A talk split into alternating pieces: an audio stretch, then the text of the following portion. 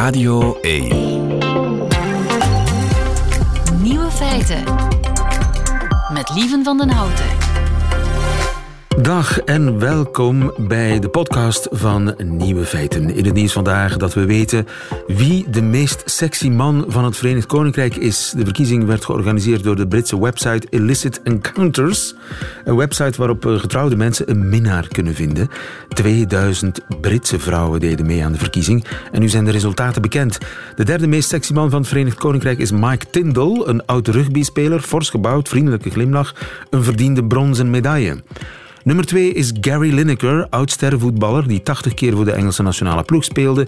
Goed verzorgde man met een stralend gebit. Nummer 2. En dan de nummer 1, de meest sexy Britse man, is deze meneer. I am a happy man today.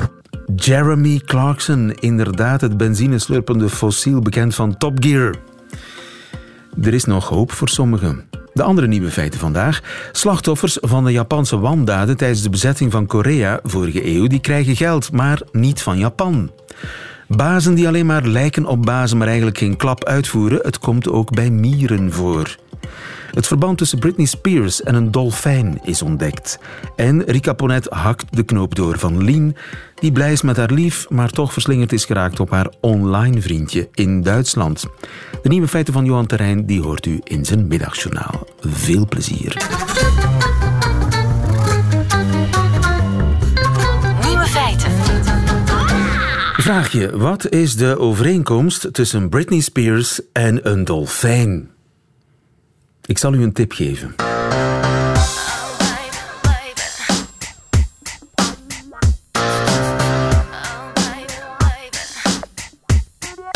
Heeft u hem gehoord? Inderdaad, de vocal fry. Ze hebben allebei de vocal fry. Zowel de dolfijn als Britney Spears. De vocal fry, dat is een typisch Amerikaans fenomeen. How's everybody doing? Do you know what this is? This is called the vocal fry. It's when the vocal cords bang together like this. Ja, en niet alleen vrouwen in Amerika, ook dolfijnen hebben die dus. En dat heeft Koen Edemans ontdekt. Goedemiddag, Koen. Goedemiddag. Koen Edemans, professor in Ulse, of Odense, zoals wij zeggen, in Denemarken. Jij onderzoekt hoe dieren geluiden maken en jij bent de laatste tijd vooral bezig met tandwalvissen. Zoals de ja, dolfijnen. dat klopt. Ja, inderdaad. En de vocal fry, met name vrouwen in Amerika, doen hem eh, hun stem laten kraken. Waarom ze dat doen? Ja, men gaat ervan uit dat dat is om hem lager te maken, om wat meer indruk te maken. Doen dolfijnen dat ook om indruk te maken? Nee, dat, nou, dat lijkt er niet op. Dolfijnen gebruiken het blijkbaar, eh, of blijkt, voor, eh, om, om echolocatiegeluiden te maken die ze gebruiken om prooi te vangen. Dus wat we nu hebben laten zien is, is ten eerste hoe alle tandwalvissen en, eh, en ook dolfijnen überhaupt geluid maken, wat voor soort mechanismen ze eh, gebruiken. Maar we laten ook zien dat ze inderdaad vocal fry gebruiken om echolocatiekliks te maken. Ja, maar die echolocatie, die hebben ze nodig om hun prooi te vinden. Hoezo hebben ze die nodig? Zien ze die niet, die prooi?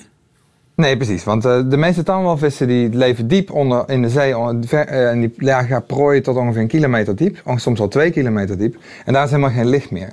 Dus die dieren zijn volledig afhankelijk van hun geluidsproductie. Om dieren op te sporen, om prooien op te sporen. Maar ook uiteindelijk om ze te kunnen achterjagen en vangen. Dus ze sturen geluid door het water en dan komt dat geluid terug, dat echoot terug en dan weten ze, ah, daar is dat visje dat ik ga opeten. Precies. En dat werkt als een soort sonar. Dat heet ook wel biosonar. En alleen de, de vleermuizen en de tandwalvissen hebben, hebben dat eh, geëvalueerd. Ja. En hoe maken ze dat geluid? Nou, dat hebben we nu dus uitgevonden, of uitgezocht. En eh, mensen hebben al heel lang gedacht dat dat geluid niet gemaakt werd door de laring, het, het strottenhoofd, zoals eh, de meeste zoogdieren dat doen. Maar dat ze een nieuw orgaan hebben ontwikkeld, ergens die in hun neus zit. Dus vlakbij het blaasgat waarmee ze ademen. En nu hebben we kunnen laten zien dat dat inderdaad het geval is. En wat we ook hebben laten zien is dat het eh, een geluidsproductiemechanisme is dat heel vergelijkbaar is met het onze. Dus ze gebruiken lucht om langs een soort van eh, stemmenlippen te sturen. En in feite dus door, door de luchtstroming langs te laten gaan, beginnen die, s- s- eh, die stemmenlippen te, te oscilleren. En dat maakt het geluid. Ja. Nou, het is dus... Maar hebben ze daarvoor niet dus heel veel lucht nodig? En op grote diepte Ja, is dat toch een probleem? Nou, het is niet eens een probleem. Het, is ook, het, is- het, lijkt een heel dom idee om dat op zo'n manier te produceren. En daarom hebben mensen ook gedacht dat ze bijvoorbeeld hele snelle spieren gebruikten. Om heel snel hun, hun, eh, om, om die structuren te laten oscilleren. En nu hebben we laten zien dat dat niet het geval is. Ze Dus toch lucht nodig. Ja. Toch waar, hebben ze lucht nodig. waar zit die lucht nou, dan? wat- nou, die lucht, wat ze doen, is dat ze al, zodra ze duiken, al hun lucht eigenlijk eh, hun longen uitpersen en in hun neus sturen. En hun larynx, die, is, die werkt eh, als een hele efficiënte plug. Die maakt geen geluid meer. Maar die, die, die sluit dat, in feite al het lucht in de neus in. En die kan nergens meer heen. Dus die lucht gaat er ook niet uit als, als die dat geluid Precies. maakt. Nee, en dat is het mooie. Dus ze hebben een systeem geëvalueerd waarbij ze dus alle lucht de neus insturen. En met een aantal luchtzakken kunnen ze dan de lucht op en neer blijven sturen over hun eh phonic lips, heten die structuren die daar zitten. Oké, dus een soort eh, gesloten systeem. Ze recycleren die lucht voortdurend. Precies, en dat is dus heel mooi, want je verliest dus je lucht niet als je geluid wil maken. En een ander mooi eh, effect daarvan is, is dat ze hele hoge drukken kunnen genereren, die wij niet zouden kunnen genereren, omdat dan onze longen beschadigen. Dus als Juist, wij met een heel, bijvoorbeeld een, een trompetspeler die heel hard speelt, kan misschien 20 kilopascal aan druk genereren. Maar als dat 4, 5 keer zo is, dan, ont- dan ontploffen je longen, zeg maar, of het weefsel raakt beschadigd. Ja, ja. Nou, deze En- dieren en- gebruiken dit soort hele hoge drukken, maar dan in hun neus. En dus dat maakt heel veel lawaai. Het maakt heel veel lawaai. Dus de, de, deze groep dieren maakt de hardste geluiden van wat, welke dieren dan ook. En kun je daar, ja, de- hoe luid is dat dan? Zou je dat kunnen verdragen? Ja, Stel dat, je dat, dat hij dat gewoon buiten zou doen, in de lucht, en ik sta ernaast, ben ik dan doof? Eh, waarschijnlijk wel. Het is eh, moeilijk om water en onderwater en, en luchtgeluiden direct te vergelijken. Maar de drukken die ze genereren zijn net zo hoog als zeg maar, de luchtdruk. Dus eh, die drukken die, die zijn vergelijkbaar met dat je recht voor een groot pistool staat dat in je gezicht wordt afgevuurd. Oké, Dus dat is hard. we gaan eens luisteren naar welk lawaai zo'n potvis met zijn vocal fry maakt op grote diepte. Dat is echt inderdaad, dat zijn geweerschoten, hè? En soms gaat het eh, kennelijk, oh, met een enorme frequentie. Ja, wat je hier hoort is een, is een potvis die we opgenomen op 1800 meter diepte. Terwijl hij dus vrij rondzwemt. En op het laatst hoor je dat het geluid sneller ging. Hè? Ja, En wat hij daar doet, is dat hij eh, een inktvis heeft gevonden en daar steeds sneller een echolocatieklik op doet, zodat hij hem beter kan lokaliseren en uiteindelijk plop vangt hij hem. een echte geluidskunstenaar, maar Ja. niet voor de kunst, maar voor eh, ja, het eten, als het ware. Ja. En Ja. daarnaast hebben die eh, dolfijnen, die, die tandwalvissen, eh, ook een gewone stem. Ja. En dat is een ander dat- apparaat en daar gebruiken ze wel een longen voor. Nee, dus Nee. wat- we nu hebben uitgevonden is dat hetzelfde, datzelfde systeem kan ook al die andere geluiden genereren door in een ander register te bewegen. Dus als ik nu normaal praat, heb ik mijn normale kopstem. Ja. En de vocal fry is de, eh, de hele lage frequentie. En mijn eh, falsetto stem is de oh, deze stem. En wat, daar, wat je daar doet, is dat je je spieren op een of andere manier gebruikt, zodat die, je, je stembanden op een echt andere manier oscilleren. Dus die bewegen heel anders. Ik heb hier een tuimelaar. Ik heb hier een tuimelaar, dat is een soort dolfijn. Hè? En zo, zo doet hij de vocal fry. Inderdaad, zo klinkt hij natuurlijk. En dit is dan die falsetto. Wauw. Ja, precies. Nou, en dat middelste geluid dat je hoorde, is wat we, wat, dat, heeft, dat heeft allerlei verschillende eh, namen gekregen. Maar dat is dus het, vergelijkbaar met het kopregister. En dat is het typische flippergeluid dat we kennen van de televisieseries. Juist, ja. En heeft hij daarom ook zo'n specifieke neus? Ja, nou de hele neus van dit soort dieren is heel apart, want het is helemaal ingericht op geluidsproductie. En ook, eh, zoals je weet, dolfijnen hebben geen geluids. Hè? Dus ze, ze zien er altijd, je kunt niet zien of een dolfijn blij is of boos, omdat ze helemaal geen enkele geluidsuitdrukking hebben. En al die zenuwen die wij gebruiken voor onze geluidsuitdrukking zijn bij deze dieren geadapteerd en worden gebruikt voor de geluidsproductie. Dus het is zo belangrijk voor hun dat ze dat allemaal verloren hebben en alles gaat naar de geluidsproductie. Wauw. Ja, ik was stilaan een beetje jaloers op de dolfijn, maar nu ik dit hoor, als ik moet kiezen tussen geluids, gelaatsuitdrukking en eh, geluidskunstenaar zijn, dan, ja, dan, oké, dan liever gelaatsuitdrukking. Maar de Zeker dolfijn heeft dat allemaal opgegeven omdat geluid voor hem zo belangrijk is. Al was het maar om eten te vinden. Fascinerend. Dankjewel. Koen Elemans in Denemarken voor ons. Goedemiddag. Vraag het aan Rika.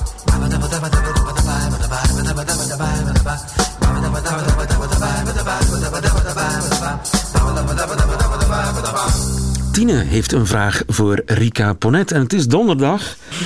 Dat treft, dan is eh, Rika Ponet de relatiedeskundige in de studio. Goedemiddag, Rika. Goedemiddag, lieve. Tine schrijft sinds... Ik weet niet hoe oud Tine is. Hoe oud zou Tine zijn? Ge- geen idee. Laten we zeggen 30-ish. Ja, Zoiets. Sinds één jaar heb ik ontdekt dat een Duitse vriend, die ik al jaren ken, dezelfde gevoelens heeft als ik voor hem. Dat we elkaar 13 jaar geleden al allebei aantrekkelijk vonden en meer dan leuk. Intussen ben ik nog altijd met datzelfde lief samen van toen. En ik heb met hem twee kindjes. Hij is een fantastische vader en een supergoed lief. Onze relatie is stabiel en voorspelbaar, zoals dat vaak gaat. Maar ik vind samen zijn met hem en ons gezin nog altijd heel waardevol. Ja, ondanks dat het ja, stabiel en voorspelbaar, dat bedoelt ze saai eigenlijk. ja. Maar goed, Het klinkt, toch, klinkt toch beetje- waardevol. Toch waardevol. Omdat ik en die Duitse vriend een jaar geleden plots onze gevoelens uitgesproken hebben, Oesje, Ja. is ons contact heel intens geworden en zelfs intiem. Maar hij is bang om elkaar te zien. Het zou het verlangen erger maken en hij wil geen ontrouw plegen. Ik wil vooral een reality check, want fantasie is altijd sterker dan realiteit. Ik wil rode vlaggen ontdekken bij hem om verder te kunnen met mijn leven. Ik mis hem enorm. Ik heb hem al vijf jaar niet meer gezien. Maar ik heb onlangs alle contact stopgezet, omdat ik dat intense gechat en gebel mentaal te zwaar vond. Want er kwam maar geen ontmoeting. Ik wil niets liever dan een gewoon gesprek voeren met hem in eenzelfde ruimte. Maar dat zag hij niet zitten en ik had het gevoel dat hij daar nooit klaar voor zou zijn. Hoe kan ik hem vergeten? Hoe kan ik hem loslaten? Kan ik meer doen dan wat ik nu doe? Contact blijven verbreken en tijd zijn werk laten doen. Tine, tine, tine. Ehm, dat is een hele, hele lastige. Ik versta dat zeer goed, dat dat heel hard weegt. En Dat is afscheid 13 nemen. jaar geleden had ze, Ja, was ze verliefd op een Duitser. Nu pas blijkt dat hij het ook op haar was. Ja, en ze heeft ondertussen een ander leven uitgebouwd en hij ook, hè, dat is duidelijk. En dat is een beetje afscheid nemen van de niet geleefde levens in ons leven. Dat, is, dat zijn de moeilijkste. Dat zijn de absolute moeilijkste. Want je weet nooit wat het had kunnen. En, Kunnen en dat wil zij. Zij wil eigenlijk rode vlaggen zien. Ze wil, ze wil hem. Ja, maar eh, dat had oké geweest. Eh, had dat direct plaatsgevonden na het uitspreken van die gevoelens die er ooit geweest waren. Maar niet nu ze eigenlijk al een hele tijd met elkaar een intimiteitsbubbel aan het opbouwen geweest zijn. Op afstand weliswaar. Op afstand. Dus ik ga ervan uit dat dat via chat en, en, Ze elkaar niet eh, gezien. en WhatsApp is en zo. En daar heb ik ondertussen ook wel wat eh, in de praktijk ervaring mee. En ehm, eh, ik merk dat dat. ehm, ja, dat dat iets bijzonder krachtig is. Nog krachtiger dan eh, elkaar op onregelmatige basis zien. Hè? Want eh, wat doe je in... Dat is een vorm van een, een kokon, een bubbel die je creëert, waarin mensen elkaar heel vaak eh, meer, meerdere keren dagelijks horen. En dat is een, een soort van vluchtroute wordt dat ook. Hè? Als het in het gewone leven een beetje saai is, of het sleept allemaal wat, of het eh, wringt. Ehm, ah, maar dan heb ik altijd nog hè, dat, eh, die ene die daar in die smartphone zit. Ehm, en, die nooit stinkt. en die nooit stinkt. En altijd lief is. En altijd die leuke kant van zichzelf toont. En ik toon daar eigenlijk ook altijd alleen maar mijn leuke kant. En ik vertel daar wel eens iets wat me dwars zit. En de andere reageert daar dan heel begripvol op. hè. Je creëert daar een soort van ideale staat van zijn. Ehm, en dat is heel leuk. Dat is heel intens. Ehm, dus eh, de dat- stommiteit is geweest om het op te biechten. eh, om, om het te voeden. Ja, het opbiechten is één ding, maar het dan verder gaan voeden Maar ja, is hij heeft het ook opgebiecht. En ja, Ja. Dan, dan, dan is eigenlijk de doos open. Hè? Ja, de Pandora-doos is open. Dat klopt, het deksel Dan kun je het eigenlijk niet meer, deksel niet meer op. Dan, dan, dan, ja. Ja. Tenzij dat je het dan heel snel gewoon onmiddellijk stopzet. Maar ja, zo zou het vroeger geweest zijn. Hè? ja, Ja, dat is het. Hè. Dat zijn eigenlijk eh, dingen, eh, vormen van lijden die, die we vandaag in relaties zien, die samenhangen met wat er via sociale media mogelijk is. Ehm, en die voorheen er niet waren of in veel mindere mate. Ja, je moest al beginnen naar Duitsland bellen of brieven schrijven. Uh, je gaat daar nooit de mate van intimiteit uitbouwen en ervaren die je nu via die, um, die sociale media ja, systemen we zitten dichter bij elkaar. Dus ja, ja, dat is, uh, ja, en het is heel intiem. Hè. Daar worden ook heel snel, zoals ze ook aangeeft, hè, we zijn dan ook intiem geworden. Uh, ja, iedereen stelt zich daar dan een vorm van seksualiteit bij voor, maar dat is het dan ook. Hè. Alles wordt benoemd, gezegd, uitgesproken, gaat ook heel makkelijk via die Intimiteit betekent hier geheimen delen. Ja, en ook uh, vormen van, van seksualiteit die, die niet... Online? Ja, die niet fysiek waargemaakt worden, maar je kan Weet je, je kan elkaar zo gek maken um, dat dat een spanningsboog is die, die er ook voor zorgt dat zij vandaag heel graag die man zou zien. Ja. En ik snap heel goed vanuit zijn standpunt, of vanuit het standpunt van um, hen allebei, uh, we willen ons leven verder zetten, we willen niet weg. Hè, dat is toch ook wat zij als boodschap geeft denk ik niet dat het een goed idee is van elkaar te zien. Ze zal niet in eerste instantie de rode vlaggen zien als ze hem ziet. Eh, er is daar een intimiteit opgebouwd, die, een intensiteit die super groot is. Dat betekent op het moment dat je die ziet, wil je dat consumeren. Dat is iets wat ik altijd opnieuw weer hoor. Dan, um, ja, dan uh, wordt heel die folie uh, als een soort van gekte uh, beleefd, geconsumeerd. Er is dan heel, bijna altijd is er seksualiteit. Een periode ja, waarin men het gevoel heeft, dit is het, hè, hier moet ik voor gaan. Um, en dan komt de realiteit langzaam binnencijpelen. Dat, dat duurt wel een tijdje. Dat kan een paar jaar duren. Maar goh, ja, een maand, sneller dan dan. ja. ja. En dan is dat natuurlijk ook. Maar goed, het idee eh, dat zij heeft van ik moet hem zien en dan zal het afgelopen zijn. Dat is niet zo. Ik denk niet dat dat. En um, we weten ook, uit het oog, uit het hart is een hele goede strategie. Um, uh, dit zal een tijdje aanhouden. Maar ik weet uit de praktijk, en dat, ik hoop dat daar dat een beetje troost brengt. Uh, obsessies uh, lopen af. Die gaan, dat gaat weg, dat ebt weg. En dat kan maanden duren, dat kan zelfs een jaar een, duren. Je, noemt, je zegt het woord obsessie. dit, is, een, is een obsessie. En dit, uh, er ligt ook een, een, iets waar ze wel iets mee kan doen, buiten het gewoon uitzitten van de tijd. Hè, want de tijd zorgt er echt voor dat dat uitgesleten geraakt en dat je er op een bepaald moment zelfs op terugkijkt als, als je die berichtjes dan herleest wat was ik voor een zotte kont? Ja, hoe gek was ik, zeg. Ja. En ook, wat heb ik op het spel gezet? Ja, hey, dat, dit wat ik heb. Um, maar los daarvan, in zo'n obsessie, wat daar ook altijd in zit, uh, dat is een verlies van het zelf. Hè. Je verliest een deel jezelf in dat verhaal. En dat is wel een interessante om aan jezelf iets, um, om daarmee aan de slag te gaan. Wat maakt uh, dat ik dit zo aantrekkelijk vind? Welke delen van mezelf komen vandaag te weinig aan bod um, in de relatie die ik heb, in het leven dat ik leid? Dat wil daarom niet zeggen dat uw man of haar, haar partner die ze heeft, dat die man iets fout doet of dat, dat daar iets moet aan veranderd uh, worden. Maar wel, um, ja, welke, welke delen bij mezelf ontwikkel ik vandaag te weinig? En misschien zijn er bepaalde of te weinig passies in haar leven die je ook op andere manieren kunt sublimeren. Hè. Mensen gaan soms bepaalde hobby's doen of zoeken uh, via vriendschappen invullingen. Um, um, ja, dat lijkt Ze moet iets anders zoeken waardoor ze voelt dat ze leeft. Dat ze leeft, ja. En dat haar zelfwaardegevoel ook groter wordt. Want jezelf op deze manier weggeven, dat zit daar toch ook altijd een stukje onder. Ja, dat wil toch zeggen dat er ergens, um, ja, ook bij jouzelf, um, een gevoel is: ik leef niet mijn leven ten volle, ik ontwikkel niet elk deel van mezelf.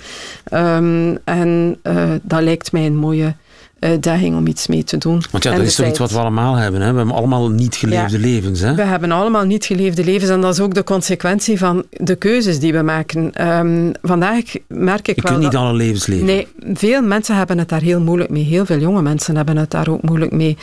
Als je kiest, verlies je. Hè? Dat is zo. En hoe meer keuzemogelijkheden er zijn, hoe groter je verlieservaring is. En dat is wat velen vandaag ervaren en ook zo moeilijk vinden, ook in een partnerkeuze. Um, als ik voor de ene kies, dan, en je blijft in je hoofd het potentieel voeden uh, dat er uh, is op de relatiemarkt naast diegene waarvoor je gekozen hebt, dan blijf je een leven lang ongelukkig. Dat is, uh, want dat potentieel zal altijd uiteraard veel groter lijken dan de stabiele, wat saaie figuur waar je op de bank naast zit te kijken naar. Dus opletten met online obsessies.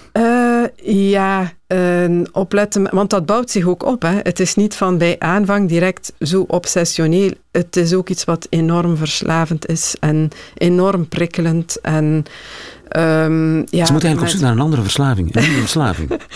een, gezonde. Een, een gezonde. Een, een nieuwe passie, noem het uh, zo. Ik hoop dat we jou uh, goed geholpen hebben, Tine. En als er nog mensen zijn met vragen voor Rika, die zijn welkom op uh, nieuwefeiten.radio1.be. Tot volgende donderdag. Graag. Radio 1. Nieuwe feiten. Boeten voor de zonden van een ander. Dat gaat Zuid-Korea doen. Japan die heeft daar lelijk huis gehouden in Korea in de eerste helft van vorige eeuw. En de slachtoffers daarvan die krijgen nu eindelijk compensatie. Zij het niet van Japan. Remco Breuker, goedemiddag.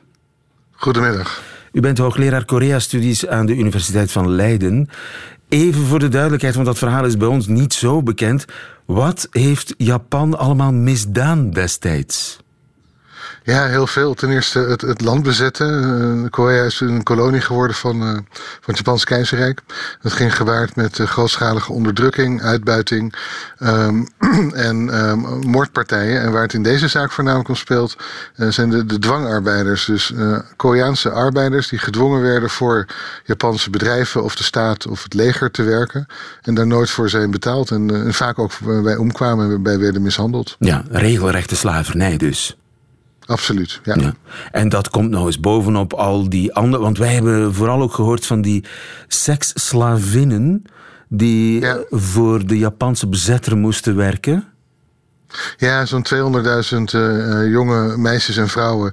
die inderdaad werden gedwongen uh, ja, om als seksslavin uh, te werken voor, voor Japanse soldaten. Ja, en mannen werden ook gedwongen om te vechten in het Japanse leger... mee tegen ja. de vijand. Ja, jonge... Zeker, jonge mannen vochten mee. Uh, en um, waren bijvoorbeeld ook uh, kampenwakers in Japanse concentratie- of interneringskampen door heel Azië. Ja. Zou je dat ongeveer kunnen vergelijken met de wandaden van de nazi's tijdens de Tweede Wereldoorlog bij ons? Um, ja, er is wel een grote overlap, maar het grote verschil is dat um, Japan ten opzichte van Korea nooit heeft geprobeerd het Koreaanse volk uit te roeien, zoals de nazi's natuurlijk wel. Ja. Um, Alles minus de concentratiekampen. uit te roepen. Ja. Uh, ja, misschien wel. Ja, ja. En nu vandaag, dat is toch bijna 80 jaar na de feiten, eisen mensen daar nog altijd schadevergoeding voor? Ja, het punt is dat in 1965 de toenmalige president van Zuid-Korea, eigenlijk dictator, een verdrag met Japan heeft afgesloten om de banden weer te normaliseren.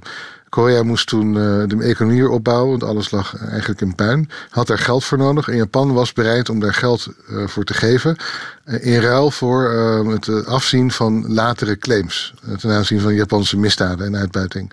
En dat, dat, dat is, dat is het pijnpunt voor veel arbeiders, dwangarbeiders en, en voormalige seksslavinnen die eigenlijk daarom nooit uh, vergoeding of zelfs maar excuses hebben kunnen krijgen. Omdat er een deal is gesloten in 1965, maar die, die, die ja. deal, daarin zaten geen vergoedingen, daarin zaten investeringen. Ja, het wordt, dat is inderdaad, werd niet gezien als een vergoeding voor Japan had gedaan, maar als een, uh, ja, ja, eigenlijk zo, als een cadeautje om je Zuid-Korea te feliciteren met de onafhankelijkheid. Oké. Okay. En vandaar dat de Zuid-Koreanen nu zelf gaan betalen voor uh, Japans ja. leed aan Zuid-Koreanen aangedaan. Het is nog, nog iets ingewikkelder, want um, eigenlijk, want um, 15 overlevende dwangarbeiders, dus het zijn natuurlijk mannen die in de 90 zijn op dit moment, hebben een rechtszaak, jarenlange rechtszaak aangespannen tegen uh, Japanse conglomeraten zoals Mitsubishi. En hebben die in Zuid-Korea gewonnen in 2018. Um, en dat heeft toen de verhoudingen tussen Japan en Zuid-Korea enorm scherp gezet. Japan zegt dat verdrag is er, daar kan je niks meer aan doen. En Zuid-Korea zegt ons Hooggerechtshof zegt wat anders. Nou, en daar is dus gisteren uh, eigenlijk uitsluitsel over gekomen wat de Zuid-Koreaanse regering daarmee wil gaan doen. En die is op dit compromis uitgekomen. En uh, waar komt het geld dan vandaan? Ja, dat is dus nu op dit moment echt heel pijnlijk. Het geld komt ehm, van Zuid-Koreaanse bedrijven die ook hebben geprofiteerd van wat er toen is gebeurd. Hoeveel dat er ook nu nog zijn. Van waarschijnlijk ook de Zuid-Koreaanse regering. En staat open voor donaties van ieder ander. Dus ook Japanse bedrijven in de Japanse staat. Maar die worden dus niet verplicht om er iets in te storten. Maar dat Zuid-Koreaanse, die collaborerende bedrijven, zeg maar, Koreaanse bedrijven, die zijn wel verplicht. Nee, ik, ik weet niet hoe dit in de praktijk gaat uitpakken, als ik eerlijk ben. Het is, het is, het is een, uh, dit is misschien het zwakste punt van, van de hele overeenkomst.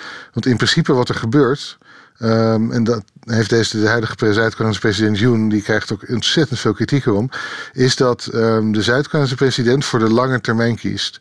Dus hij wil de, de, de ruzie met Japan over het verleden opzij zetten en eigenlijk eroverheen stappen, omdat er zoveel problemen zijn in Oost-Azië en in de wereld. En Japan en Zuid-Korea dat eigenlijk gezamenlijk te, te lijf moeten gaan. Um, ja, dus hij heeft ervoor gekozen om dan maar dat eh, geld zelf op te hoesten. Al vermoed ik dat hij dit alleen maar doet omdat er vanuit Japan een garantie is gegeven dat Japan ook zal bijdragen. Maar dan wel vrijwillig. Oké, een vrijwillige garantie. Dat is een beetje vaag allemaal, maar het belangrijkste het is, is, vaag, ja. om, om de Japanners niet voor het hoofd te stoten, want Japan is een bondgenoot in de strijd tegen ja, China, samen met de Amerikanen. Ja, en tegen Noord-Korea en tegen Rusland en tegen uh, de klimaatopwarming. En het zijn, elkaar, het zijn ontzettend belangrijke partners voor elkaar. De grote Zuid-Koreaanse bedrijven, zoals Samsung, kunnen niet zonder Japanse leveranties van grondstoffen en halffabrikaten. Dus het is op zich een hele verstandige keuze, maar die, die nu heel heel moeilijk ligt. Uh, ja. Heel politiek gewoon eigenlijk. Ja, dit is, dit is bijna niet te verkopen aan, uh, aan de Zuid-Koreaanse bevolking. Ja, want het, is, het blijft uiteindelijk Zuid-Koreaans geld. Ja, dat, dat is zeker zo, maar nou is dat geld er wel. Maar waar het om gaat, het, het, ging deze arbeiders ook niet om het geld. Het ging om de excuses en de erkenning van de rechtvaardigheid is aangedaan. Ja, en dat, ja, dat ligt nu natuurlijk weer een stukje verder weg. Want recht is niet echt geschied. Um, nee, maar ik denk, um, ik vind het ook heel lastig hoor. Want mijn, mijn eerste reactie zou zijn: dit, dit moet je niet doen. Uh, omdat deze mensen echt heel zwaar hebben geleden. En het zijn er ook niet 15, het zijn er honderdduizenden. En dan, dan hebben we het nog niet eens gehad over de seksslavinnen, die, die nog, eigenlijk nog erger hebben geleden. Tegelijkertijd is dat natuurlijk wel iets wat June ook zei op 1 maart. Dat is een, een Zuid-Koreaanse feestdag ter ere van een, een anti-Japanse opstand in 1919. Um, het Japan van 1919, van dat ons heeft gekoloniseerd, bestaat niet meer. Dit is een ander Japan. En we hebben geen andere keuze dan um, samen de toekomst in te gaan. En ik denk, ik denk eigenlijk dat hij daar volledig uh, gelijk in heeft. Ik weet niet of zijn presidentschap dit gaat overleven. Want zo hoog lopen de gemoederen op dit moment wel op. Ja, spannend in Zuid-Korea. Dankjewel, Remco Breuker. Goedemiddag. Graag gedaan. Nieuwe feiten.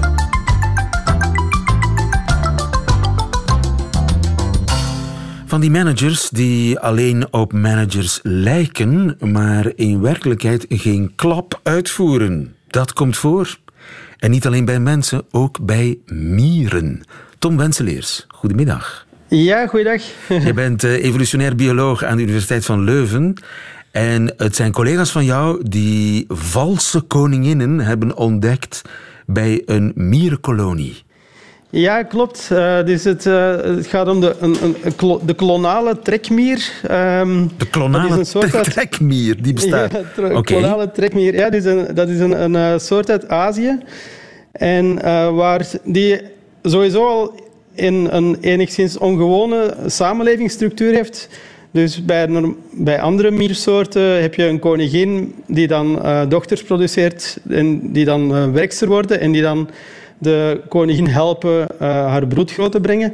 Bij deze soort zijn het, die heeft de koningin kasten verloren en planten de werksters zich asexueel voort. Dus ze klonen zichzelf eigenlijk. Um, en ja, dus ze leven eigenlijk in koninginloze samenlevingen. Maar wat deze onderzoekers nu gevonden hebben, is dat er een, uh, daarin een genetische lijn ontstaan is waar er maar enkel koninginnen geproduceerd worden. Uh, en Nutteloze dus ze... koninginnen dan eigenlijk? Ja, dus het, het, is een soort parasitaire lijn eigenlijk van profiteurs uh, die, die um, enkel eitjes leggen dan, uh, maar geen werk verrichten in de kolonie. En eigenlijk puur parasiteren op het werk van anderen. Weet je. Um, en de andere mieren ja. hebben dat niet door? De andere mieren hebben dat blijkbaar niet door. Um, En wordt dat er niet uitgeselecteerd, dat gen dat ervoor zorgt dat je valse koninginnen uh, maakt en blijft maken? Ja, dat is een goede vraag. Dus je zou in principe verwachten dat dit uh, kenmerk niet zou kunnen behouden blijven in de populatie, omdat het eigenlijk slecht is voor het overleven van de kolonie. Als iedereen, van die, uh, uh, als iedereen koningin zou zijn, dan, dan, is er niemand om het werk te doen en zou die, zou die kolonie uitsterven. Um, maar het zou kunnen behouden blijven als, als die, die genetische profiteurs als die andere kolonies uh, zouden kunnen binnendringen in de, in, in de, in de populatie. En dus niet alleen uh, in hun eigen nest valse koningin spelen, maar ook in een ander nest valse koningin gaan spelen. Dat doen ja, ze ook. klopt. En, en er, is, uh, wel, er zijn enkele andere soorten waar dat gedrag eerder al gedocumenteerd is. dus waar, waarbij je van die genetische profiteurs hebt die andere kolonies uh, uh, dan kunnen binnendringen en dan kunnen profiteren van het werk van anderen. En uh, worden ze daar niet verjaagd, herkend als van een andere kolonie?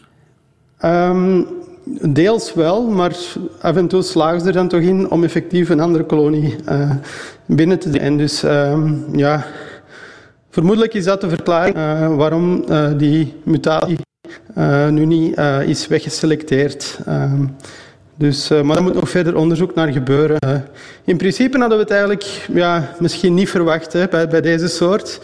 Uh, als je van die klonale samenlevingen hebt, waar iedereen een klon van elkaar is, dan eigenlijk vallen de belangen van individu en het collectief vallen eigenlijk helemaal samen. maar het zou wel kunnen als er af en toe dan toch vermenging is tussen verschillende kolonies.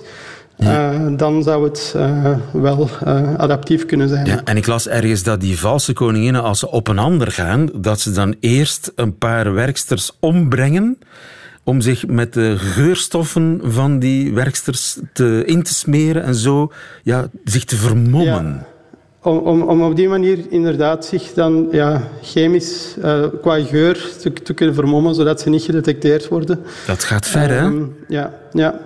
Ja, dus analoge zaken zijn, zijn gedocumenteerd bij, bij de Kaapse honingbij bijvoorbeeld, die ook in klonale samenlevingen uh, leven, en, maar waar er ook een genetische lijn ontstaan is van profiteurs, waarbij die honingbijwerksters eigenlijk enkel eitjes leggen uh, en dan ook andere kolonies uh, binnendringen en daar zelfs de, de moederkoningin die van een andere subsoort honingbijen uh, um, uh, de, de, koningin van die kolonies dooddoet.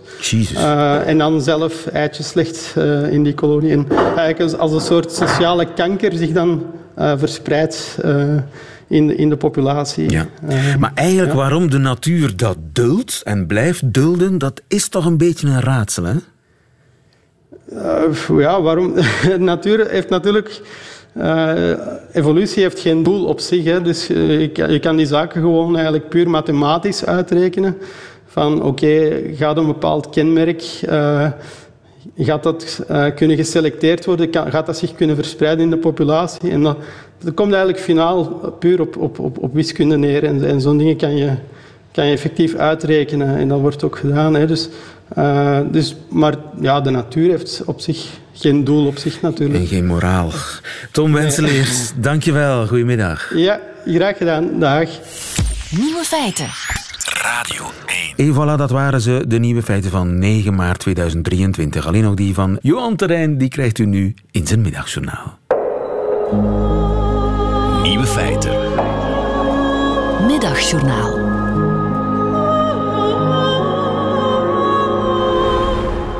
Beste luisteraar. Ik woon achter de hoek van de plek waar mijn overgrootouders een wagenmakerij hadden. Dat vertrouwde mijn vader zaliger mij toe toen ik twaalf jaar geleden mijn huis betrok. We wandelden voorbij de blauwe poort waaraan hij als kleine jongen nog veel herinneringen had. Zijn vader was een meubelmaker en bracht zijn marchandise met de rijtuigen van diens vader, mijn overgrootvader, tot bij zijn klanten. Intussen staat de blauwe poort er niet meer en is de site gerenoveerd. Maar dat ik op een steenworp van mijn voorouders ben komen wonen, gaf me eerst het gevoel nogal honkvast te zijn. Was ik dan echt zo iemand die slechts 200 meter van zijn voorouderlijke voordeur wijkt? Dat voelde eerlijk gezegd niet helemaal kloppen. Het was een reden om even de stamboom in te klimmen. En die bracht al snel geruststelling. Ik blijk het genetisch resultaat van inwijkelingen in Antwerpen. Met niet eens zo verre voorouders uit Kortrijk, Gent, de Noorderkempen, Nederlands-Limburg en Luik kom ik van alle windstreken aangewaaid in de Koekenstad. Ter hoogte van mijn overgrootouders gebeurt het rond de vorige eeuwwisseling, die tussen de 19e en de 20e eeuw. Dit is het verhaal van de Lage Landen. De Kortrijksaan ziet zijn molen vernietigd in een storm en trekt naar Antwerpen om wagenmaker te worden.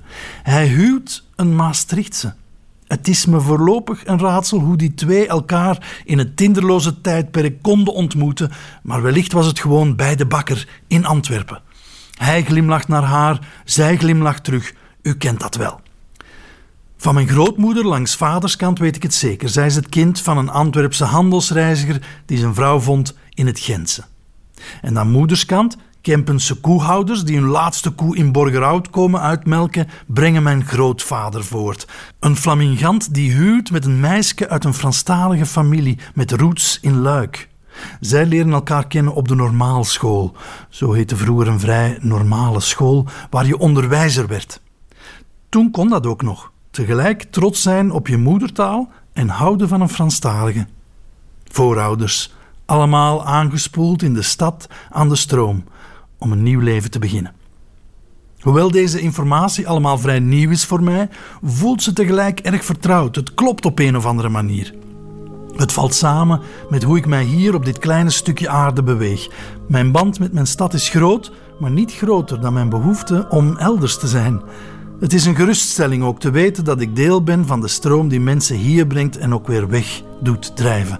En dat je in die beweging ook eens toevallig achter de hoek van je voorouders kan terechtkomen. Zo'n stevige klimpartij in je eigen stamboom, dat is een beetje je eigen geschiedenisles samenstellen. Ik stond stil bij mijn superdiversiteit, die het resultaat is van mensen die samenkwamen. En ja, dat laatste mag je letterlijk nemen.